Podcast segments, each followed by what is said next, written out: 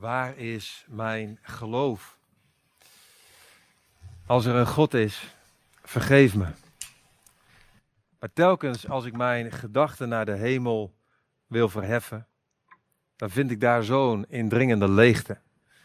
Dat mijn gedachten terugkeren als scherpe messen die mijn ziel verwonden. Ik heb geen geloof. Het is een citaat uit een brief van iemand van wie je het misschien niet verwacht. Een brief van moeder Teresa. Op haar zeventiende kiest ze ervoor om non te worden. En ergens in de dertig, dan krijgt ze de roeping om voor de armen te gaan zorgen in de miljoenenstad Calcutta in India. En het is ontroerend wat ze schrijft over haar eerste werkdagen. Mijn ziel is op dit moment volkomen vredig en blij. De oude man die op straat lag, ongewenst, volkomen alleen, stervende, ik gaf hem water om te drinken en hij was zo dankbaar. Zo raar was dat. En daarna gingen we naar de markt van Taltala. Een zeer arme vrouw lag daar te sterven, meer door ondervoeding dan door de TBC. Ik gaf haar iets, zodat ze beter kon slapen. Ik vraag me af hoe lang ze hier zal blijven. Mijn ziel is op dit moment volkomen vredig en blij. Maar binnen twee maanden raakte moeder Teresa in een diepe geloofscrisis die zou duren tot haar dood in 1997, zo'n 50 jaar lang. En ze deelde dit alleen met een aantal geestelijke begeleiders. En een van hen was een abt. En aan deze man schrijft ze het volgende: Er is geen God in mij. Ik verlang en verlang en dan voel ik opeens iets. Hij heeft me niet nodig. Hij is er niet. Hij moet me niet. Soms hoor ik mijn eigen binnenste roepen, mijn God, maar er komt niets terug. En toen haar brief ongeveer tien jaar na haar dood uitkwamen in het boek Moeder Teresa, Kom, wees mijn licht. Toen waren de veel lezers en, bewonderaars van haar ook echt in de war. Uh, had zij niet talloze armen verzorgd, de laagste klasse, de laagste kasten? Uh, was zij niet het voorbeeld van een volgeling van Jezus? Uh, hoe kan iemand als zij zo spreken over God? Hoe kan iemand die nu zo'n vier jaar geleden heilig is verklaard door de, door de katholieke kerk, hoe, hoe kan zo iemand zeggen, ik heb geen geloof, ik bid niet meer? Nou, moeder Teresa vond het zelf ook wel ingewikkeld af en toe, haar positie. Ze schrijft bijvoorbeeld, als je bij was geweest, zou je hebben gezegd, wat een hypocrisie. En toch telkens als ze al publiek getuigde van haar geloof, was ze oprecht. Want er waren ook echt momenten dat de wolk van twijfel was verdwenen. En dan, dan sprak ze over Christus een hele gloedvolle woorden. Christus in onze harten. Christus in de armen die we ontmoeten. Christus in de glimlach die we geven en in de glimlach die we ontvangen. Moeder Teresa. Haar verhaal laat maar zien, geloven gaat zelden vanzelf. Geloven is niet vanzelfsprekend. En het verhaal van moeder Teresa doet me denken aan het verhaal van die vader van het doodzieke kind in de evangelie. De man die het uitroept naar Jezus. Ik geloof, kom, mijn ongeloof te hulp. En dat is ook het onderwerp waar we de komende online diensten bij stil willen staan. Ik geloof, kom mijn ongeloof te hulp. Geloof en twijfel strijdend om de voorrang. En misschien vraag je je af, joh, waarom gaan we met deze serie bezig? Nou, omdat we weten en omdat we zien, geloof is soms flink lastig. Het kan een grote uitdaging zijn. Er kunnen allerlei vragen zijn die onze geloofszekerheden omringen. Ons kunnen doen wankelen, ons aan het twijfelen kunnen brengen. En misschien ervaar je het wel net zo als, als moeder Teresa, of misschien niet zo, misschien anders of milder. Maar ik ken eigenlijk geen enkele gelovige die, die niet en ook pieken en dalen kent in zijn geloofservaring met God. Ik weet eigenlijk niet. Ik ken eigenlijk niemand die zegt, joh, ik ben een super steady. Het is altijd oké. Ik ben altijd zeker. Ik ken ze niet. En, en, is dat ook niet waarom we zo van die psalmen houden? dat er gewoon momenten zijn in je leven, dan voel je je zo hecht verbonden met God, dat je samen met David kunt zingen, U wijst mij de weg naar het leven. Overvloedige vreugde in uw nabijheid, voor altijd een liefelijke plek aan uw zijde. Amen, God is goed. En het is ook super om daar dan van te genieten. Maar er kunnen ook momenten zijn dat God zo ver weg voelt, dat, dat we niet eens meer ja, weten hoe moest dat ook alweer geloven. En dat we dan meezuchten met diezelfde David, Psalm 13. Hoe lang nog, Heer, zult u mij vergeten? Hoe lang nog verbergt u voor mij uw gelaat? Oh, wat kunnen wij zingen, maar oh, wat kunnen wij zuchten. En dan komt daar die vraag, ja, maar waar bent u dan? En bestaat u eigenlijk wel? En vaak gaat geloofsvertwijfeling ook samen met geloofsvragen. En misschien heb jij wel vragen over het bestaan van God. Misschien zeg je, joh, maar Theo, er zijn zoveel momenten. Dan merk ik zo weinig van God. En dan vraag ik me gewoon eerlijk af. Misschien net wel, net als Wieger Jan, maar dan, dan vraag ik me af. Hoe verrijkt God mijn leven dan? Hoe kan ik überhaupt weten dat Hij echt bestaat? Of misschien heb je wel vragen over de betrouwbaarheid van de Bijbel of de inspiratie van de Bijbel. Je denkt van, joh, we spreken over de Bijbel als Gods woord, maar hoe kan je dat nou weten eigenlijk, dat het Gods woord is? Of wat moet ik aan met die hele lastige geweldsteksten in de Bijbel en hoe kunnen die nou rijmen met het karakter van God? En, en, en die wonderen, hè, waar we gemakshalve maar van uitgaan, uh, ze botsen toch op de wetenschap. En, en, als dat mijn vragen zijn, hoe kan je dan van me vragen dat ik mijn leven bouw op het woord? Daar worstel ik mee. Misschien heb je vragen over het lijden in de wereld. Dat, dat de ellende, eh, gewoon de ellende van alles om je heen, dat het op je drukt en dat je je afvraagt, ja maar, als God liefde is, dan wil hij dit toch ook niet? Dan heeft hij toch het goede met ons voor. En als hij machtig is, dan kan hij toch ook iets doen? Nou, als hij het wil en als hij het kan, waarom doet hij dan niets? Tenminste, dat lijkt dan zo. En het is één van de redenen waarom een zekere Lisbeth, toen zij haar kindje verloor, ook haar geloof vaarwel zei. Misschien heb je vragen over de kerk. Dat je denkt van, we hebben het er altijd over dat het evangelie zoveel verschil maakt in mensenlevens. En dat het mensenlevens diepgaand kan veranderen. En als dat zo is, waarom is er dan zoveel gedoe in kerk? Misschien is dat wel je vraag. Ja, maar als het evangelie mensen verandert, waarom zie ik het evangelie dan zo weinig verschil maken? Misschien wel in het leven van je ouders of van vrienden mis je rolmodellen. En dit is waar een zekere John tegenaan liep toen hij tegen iemand zei van joh, het gaat niet zo goed met je, misschien moet je het bij Jezus zoeken. En dat die persoon tegen hem zei, best ontnuchterend, ja maar als ik in Jezus ga geloven, dan ga ik lijken op jullie. En dat wil ik eigenlijk helemaal niet. En zo kunnen er allerlei vragen zijn en als, als, een, als een orkaan schudden aan de boom van jouw geloof. En wat moet je dan met je twijfel? Weet je, er zijn mensen die proberen om tegen twijfel te vechten. twijfel is, is ongeloof en wie twijfelt is ontrouw, is dan de gedachte. Dus, dus twijfel als iets wat geloven in de weg staat. Dus we moeten het, het wegvegen, als was het een lastige vlieg. En weer anderen die, die proberen twijfel te verheerlijken. Alleen wie twijfelt is eerlijk. Wie nooit twijfelt is niet authentiek, is dan de gedachte. Het is een vorm van koesteren van twijfel. Maar zowel het vechten als het koesteren, dat zijn geen heilzame routes in de omgang met twijfel. Wat wij geloven is dat een heilzame route van omgaan met twijfel, dat het is om gewoon de vrijmoedigheid te nemen om die twijfel te verkennen. Om die twijfel recht aan te kijken.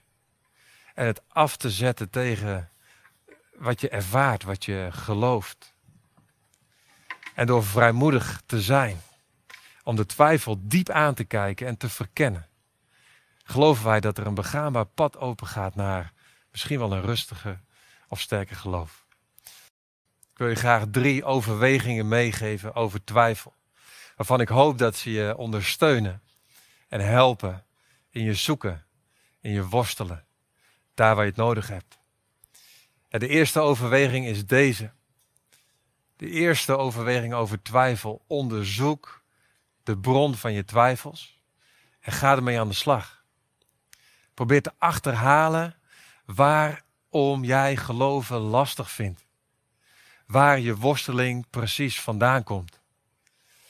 Want het kan helpen om naar de wortels of de oorzaken te gaan. En als je daar inzicht in hebt, dan is het niet zo van, nou fijn, dan kunnen we dat even fixen. Nee, want als je daar inzicht in hebt, dan kun je ook richting vinden in hoe je ermee om kan gaan. Inzicht helpt. En inzicht kan ook een soort verlichting van druk geven, die toch ook met twijfel samengaat. Nou, en wat zouden dan verschillende oorzaken voor twijfel kunnen zijn? Nou, soms dan komt twijfel voort uit de vraag wat nou het nut is van geloven. Je kunt het gevoel hebben dat dat geloven zo, ver afstaat van jouw dagelijkse leven met zijn dagelijkse beslommeringen. Eh, eh, hoe geeft geloof dan antwoord op de uitdagingen en de problemen waar je dagelijks mee te maken heeft? Soms komt twijfel voort uit sociale druk. Stel je voor dat jij mensen in je omgeving hebt die jij hoog acht en die belangrijk voor je zijn, die geloven maar belachelijk vinden of apart of wereldvreemd. Ja, dan moet je wel echt sterk in je schoenen staan om daar niet van te gaan wiebelen. Soms komt twijfel voort uit die vraag die ik al even aanstipte naar dat lijden in de wereld. Dat je ermee kunt worstelen, hoe moet ik het rijmen met het karakter van God? Soms dan komt twijfel voort ook uit strijd in de hemelse gewesten. Misschien ben je daar dan van bewust of niet, maar, maar dat er aan je getrokken en geduwd wordt om je bij God vandaan te houden. En soms komt twijfel voort uit botsing met wetenschap. dat, we, dat we zoveel dingen ja, inmiddels kunnen verklaren met de reden. Dat er heel weinig ruimte lijkt over te blijven voor God als schepper die de wereld regeert. En soms, er komt twijfel voort uit pijn, teleurstelling in de omgang met medechristenen misschien.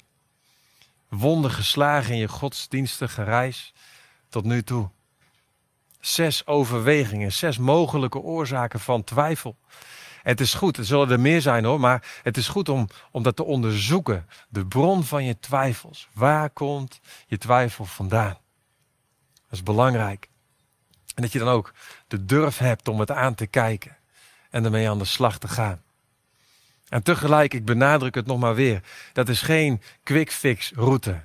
Om het even weer voor elkaar te boksen dat alle vertwijfelingen weggestreken worden en het weer goed gaat. Want ook hierin, als je dit heel serieus neemt, en, en dat gaat helpen, maar ook dan kom je onherroepelijk aan een grens van wat je kunt controleren of beheersen of begrijpen. En dat brengt ons bij de tweede overweging over twijfel, die je kan helpen in je zoeken. Erken dat je niet alles kunt begrijpen. Het helpt als je je hoofd en je logica en je gedachten en je redeneringen kunt relativeren. Want dat geeft ruimte aan God, die jouw denken en ook mijn denken overstijgt. Soms kunnen wij onszelf heel erg in de weg lopen met het idee dat ehm, we precies zouden moeten weten hoe God werkt. Dat we precies zouden moeten weten hoe God moet werken in ons leven.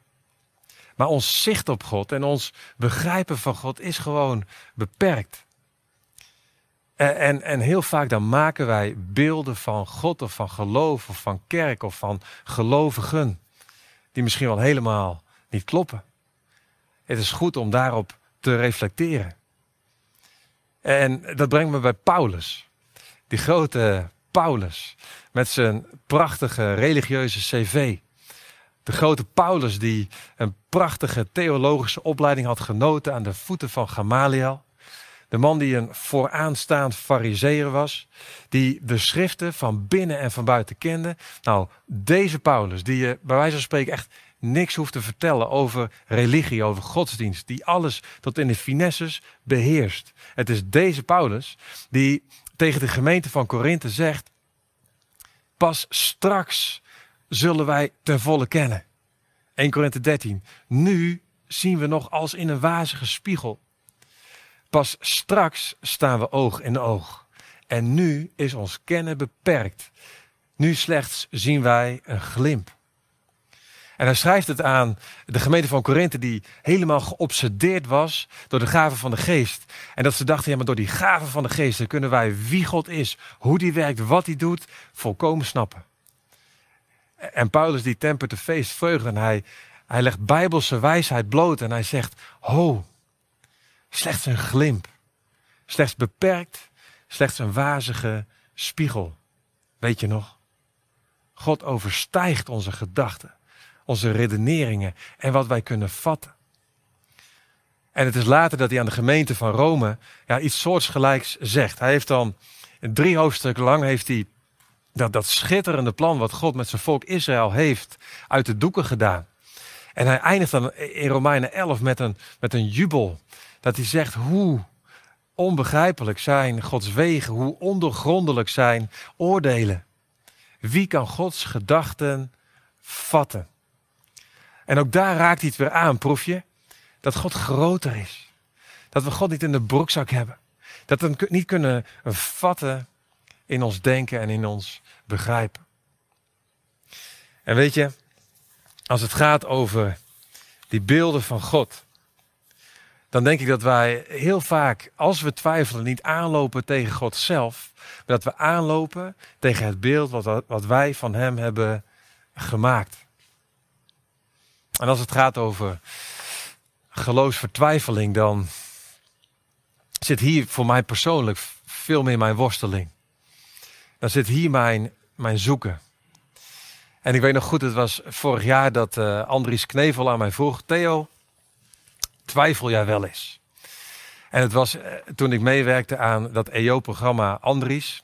en dan nodigt Andries Knevel nodigt dan tafelgasten uit en die bevraagt hij dan op uh, wie ze zijn, hoe ze leven en wat hen beweegt. Nou, en het was in dat gesprek dat hij dat aan mij vroeg. Theo, twijfel jij wel eens? Nou, en ik begon ook gewoon te delen dat, dat ik ergens diep van binnen, um, op de bodem van mijn ziel, een soort weten vind. Een soort besef vind van God is. Het is een, um, ik noem het wel een soort stille melodie heel diep van binnen. Wat het voortdurend zingt. God is. En eigenlijk heb ik dat al vanaf kinds af aan. En, en die melodie die gaat met me mee en die draagt mij. En, ook door de donkere momenten in mijn leven heen. Zelfs ook toen ik mijn zus verloor. Gewoon dat, dat, dat hele existentiële van, van God is. daar zit niet mijn geloofsvertwijfeling.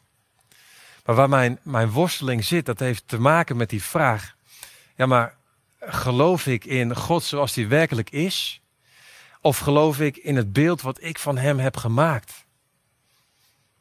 Dat beeld wat ik van hem heb gevormd door mijn verlangens, door mijn uh, ervaringen, door wat de dingen die ik heb meegemaakt, uh, door de dingen die ik heb gelezen, door de mensen met wie ik omga.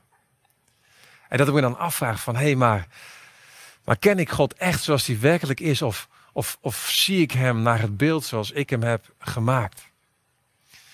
En ik zal je eerlijk vertellen, daar, daar zit ook wel eens druk bij. Daar voel ik wel eens druk bij. Ook in mijn, mijn rol als volganger. Dat ik gewoon heel dicht bij dat woord probeer te leven. Dat ik dan ook altijd wel bewust ben van, hé, hey, laat ik een God zien zoals hij werkelijk is. Of laat ik een God zien zoals ik hem heb gemaakt. En dat kan wel eens druk geven. En wat me dan weer rust geeft, is dat ik weet dat God met uh, kromme stokken ook rechte slagen kan slaan. En dat ik uh, het hier ook niet allemaal alleen hoef te doen. Dat we elkaar kunnen scherpen, dat we samen kunnen zoeken. Dus ja, die druk voel ik wel eens. Daar zit mijn worsteling. Daar zit mijn twijfel. En tegelijk, als ik me dan besef, ja Matteo, je hoeft niet alles te weten. Je hoeft niet alles te snappen. En soms heb ik het idee dat ja, je als voorganger wel alles moet weten en alles moet snappen. Nou nee, dat hoeft niet. Want God is groter. Hij gaat boven bidden en denken uit. Hij gaat boven de reden uit. Boven wat jij kunt vatten. En daar kan ik dan ook weer verlichting in vinden. En dat maakt twijfel zachter. Het begrenst twijfel. Erken dat je niet alles kunt begrijpen. En de derde en de laatste overweging die ik je mee wil geven over twijfel. Vertrouw erop dat je welkom bent bij Jezus. Met alles wat speelt in je leven. Vertrouw erop dat je welkom bent bij Jezus precies zoals je bent. Met al je zoeken, al je vragen, al je twijfels. Met alles. En, en ik weet dat soms hè, met twijfel, daar, gaat ook, gaan ook wel eens schuldgevoelens mee te paar, gepaard. Het idee van, ja, maar ik, ik, voel God al op een afstandje. En, en als ik dan kom met mijn twijfel, ja, dat maakt de boel alleen maar erger. Ik tast al in het duister. En dan kom ik met mijn twijfel en is het einde eigenlijk helemaal zoek.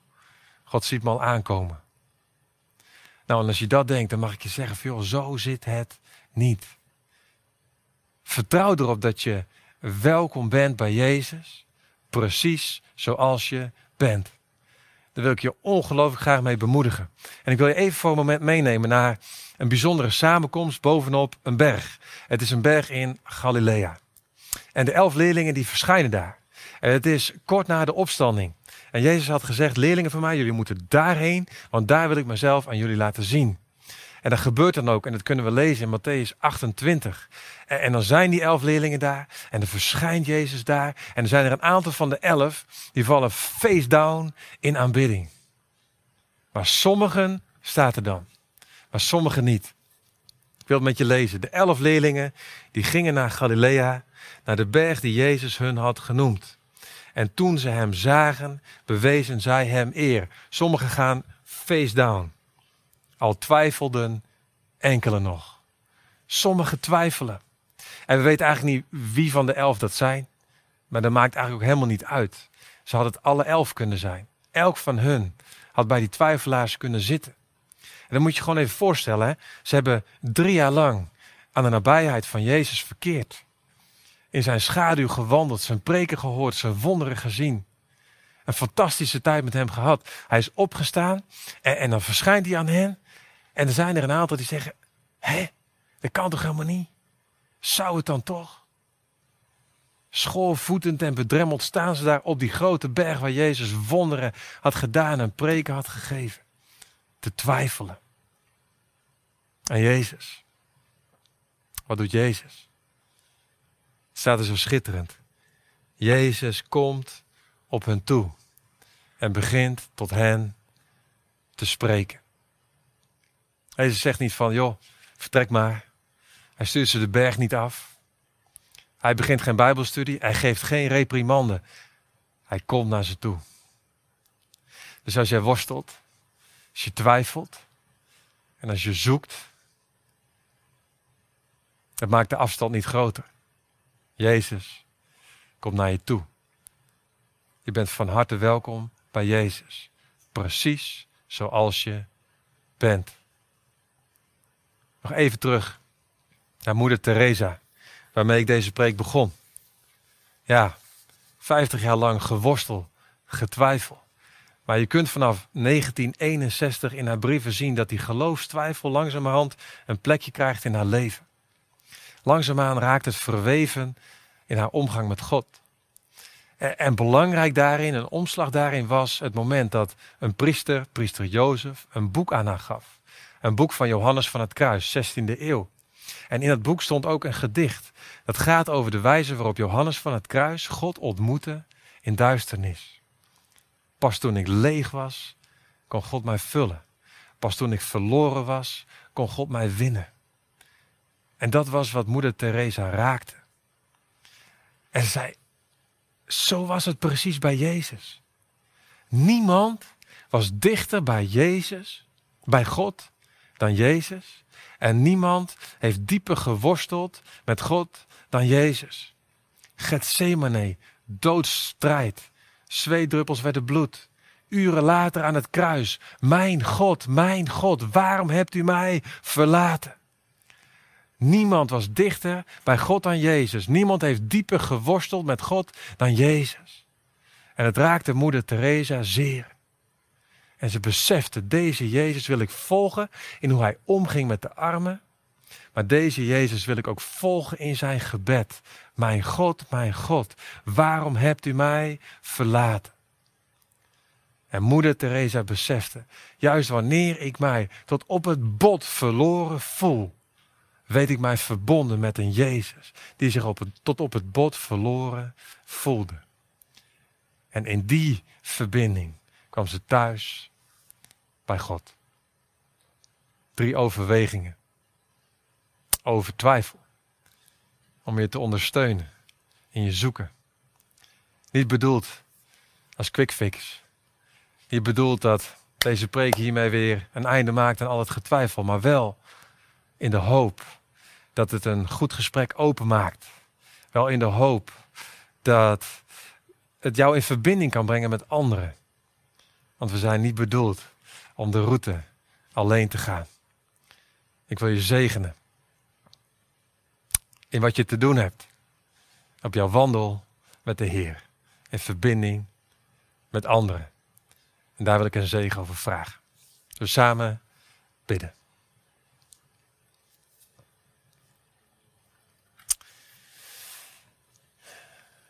Ja, Hemelse Vader, dank u wel dat we met elkaar ook bij dat kwetsbare thema van twijfel mogen stilstaan. Dat thema van geloof en twijfel vechtend om de voorrang. Nog stilstaan bij die, die hartskreet die we allemaal wel eens voelen. Ik geloof, kom mijn ongeloof te hulp. Dat mee zingen met David, God is goed. Dat mee zuchten met David, God waar bent u? En we willen het niet wegvegen. We willen het niet verheerlijken, maar we willen heel vrijmoedig naar twijfel kijken om het te verkennen en het aan te gaan. Maar zo komen we bij u, Heer Jezus. En we danken u wel dat we welkom zijn bij u. In al ons worstelen, al ons zoeken, al ons twijfelen. En dat u het zegt, blijf daar maar, want ik kom wel naar jou toe.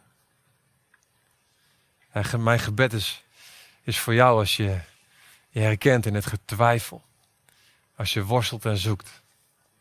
Dan wil ik je in de machtige naam van Jezus gewoon zegenen. Precies op de plek waar je bent. Met stapjes. Met perspectief. Met verlichting van druk. Met inzicht. In de naam van Jezus om verder te komen in jouw route. In verbinding met anderen. Wees daarin gezegend. Amen.